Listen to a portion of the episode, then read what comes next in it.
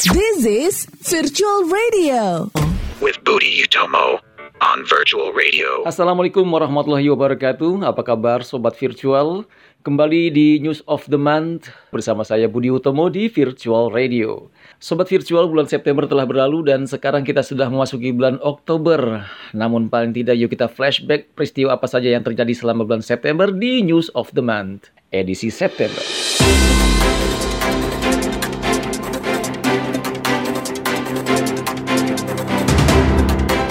Peristiwa kita mulai tanggal 3 September. Pemerintah resmi mengumumkan kenaikan harga bahan bakar minyak atau BBM mulai dari Pertalite, Solar, dan Pertamax. Kenaikan harga BBM ini memicu aksi unjuk rasa masyarakat mulai dari mahasiswa, sopir angkot, pengemudi ojol, dan masyarakat lainnya.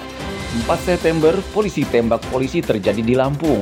Aibda Ahmad Karnain ditembak oleh sesama rekan polisi Aibda Rudi Suryanto. Korban dan pelaku merupakan rekan sekerja di Polsek Wai Pengebuan, Lampung Tengah. Polda Lampung menjatuhkan hukuman pemecatan tidak dengan hormat terhadap Aibda Rudi Suryanto. 4 September, 10 orang tewas dan 15 lainnya terluka akibat penusukan massal di Saskatchewan, Kanada. Ini merupakan pembunuhan paling memilukan dan bendera setengah tiang dikibarkan di Kanada. Pelaku penusukan adalah dua bersaudara yakni Damien Sanderson dan Miles Sanderson. Damian ditemukan tewas di James Smith Cree Nation dengan luka di tubuh sementara Miles mengalami medical distress atau gangguan medis dan meninggal setelah penangkapannya pada 7 September.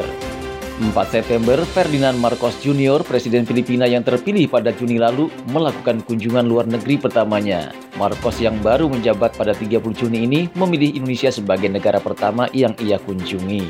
6 September, mantan Gubernur Banten Ratu Atut Khosyah bebas bersyarat setelah menjalani hukuman pidana di Lembaga Pemasyarakatan kelas 2A, Tangerang. Atut Khosyah merupakan narapidana tindak pidana korupsi kasus suap Ketua Mahkamah Konstitusi Akil Mukhtar. Ia menyuap Akil Mukhtar 1 miliar rupiah terkait penanganan sengketa pilkada di Lebak, Banten. Atut juga terjerat kasus pengadaan alat kesehatan yang merugikan negara 79 miliar rupiah. 6 September, politisi Inggris Liz Truss terpilih sebagai Perdana Menteri Inggris yang baru. Truss menggantikan Boris Johnson yang mengundurkan diri. Truss juga merupakan mantan Menteri Luar Negeri di era Boris menjabat. 8 September, Ratu Elizabeth II wafat dalam usia 96 tahun di Balmoral, Skotlandia. Ratu Elizabeth II dimakamkan pada 19 September di Kastil Windsor, Inggris. Biaya pemakaman Ratu Elizabeth II ini diperkirakan mencapai 136,4 miliar rupiah dan prosesi pemakamannya melibatkan 6.000 tentara Inggris. 11 September, tarif ojek online resmi naik.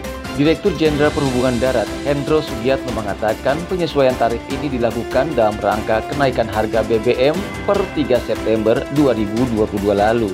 12 September Presiden Joko Widodo menggelar rapat dengan beberapa pimpinan lembaga terkait Biorka, hacker yang telah membobol beberapa data lembaga pemerintah dan tokoh atau pejabat dalam negeri. 13 September, Ketua DPRD Lumajang, Anang Ahmad Saifuddin mengundurkan diri dari jabatannya setelah viral karena tidak hafal Pancasila. Namun, 8 fraksi di DPRD Lumajang menolak pengunduran diri Anang. Sebelumnya, Anang tak hafal Pancasila saat menemui puluhan mahasiswa yang melakukan aksi demo penolakan kenaikan harga BBM di gedung DPRD Lumajang. 16 September, KPK menetapkan Gubernur Papua, Lukas NMB, sebagai tersangka kasus korupsi.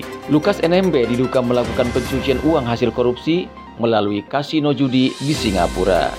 18 September cendikiawan muslim yang juga guru besar dan mantan rektor UIN Syarif Hidayatullah Jakarta, Profesor Dr. Azumardi Azra meninggal dunia di Malaysia setibanya di negara tetangga tersebut. Ketua Dewan Pers ini meninggal dalam usia 67 tahun. 27 September, Timnas Indonesia sukses memetik kemenangan 2-1 atas Kurakau dalam pertemuan kedua laga FIFA Matchday yang berlangsung di Stadion Pakansari Cibidong, Kabupaten Bogor, Jawa Barat. Pertemuan pertama Timnas Indonesia menang 3-2 di Stadion Gelora Bandung Lautan Api, Jawa Barat pada tanggal 24 September 2022. Dengan hasil ini, posisi Timnas Indonesia naik dalam ranking FIFA. 30 September, Narasi melaporkan dugaan peretasan website media mereka kepada Baris Krim Polri. Pemimpin redaksi Narasi, Zen Rahmat Sugito, menyatakan belasan awak redaksinya mengalami upaya peretasan secara serentak. 30 September, Putri Chandrawati, istri Verdi Sambo, resmi ditahan Polri. Polri menyatakan tersangka kasus dugaan pembunuhan berencana terhadap Brigadir Nofriansah Yosua Huta Barat atau Brigadir J ini dalam keadaan sehat. Putri ditahan di rutan Mabes Polri. Penahanan ini dilakukan untuk mempermudah penyerahan tersangka ke Kejaksaan Agung. 30 September Indonesia masuk dalam 100 negara paling miskin di dunia. Hal ini diukur dari Gross National Income atau pendapatan nasional bruto per kapita. Mengutip World Population Review, Indonesia masuk dalam urutan ke-73 negara termiskin di dunia. Demikian News of the Month bulan September ini. Sampai jumpa di News of the Month bulan berikutnya. Saya Budi Utomo, Virtual Radio.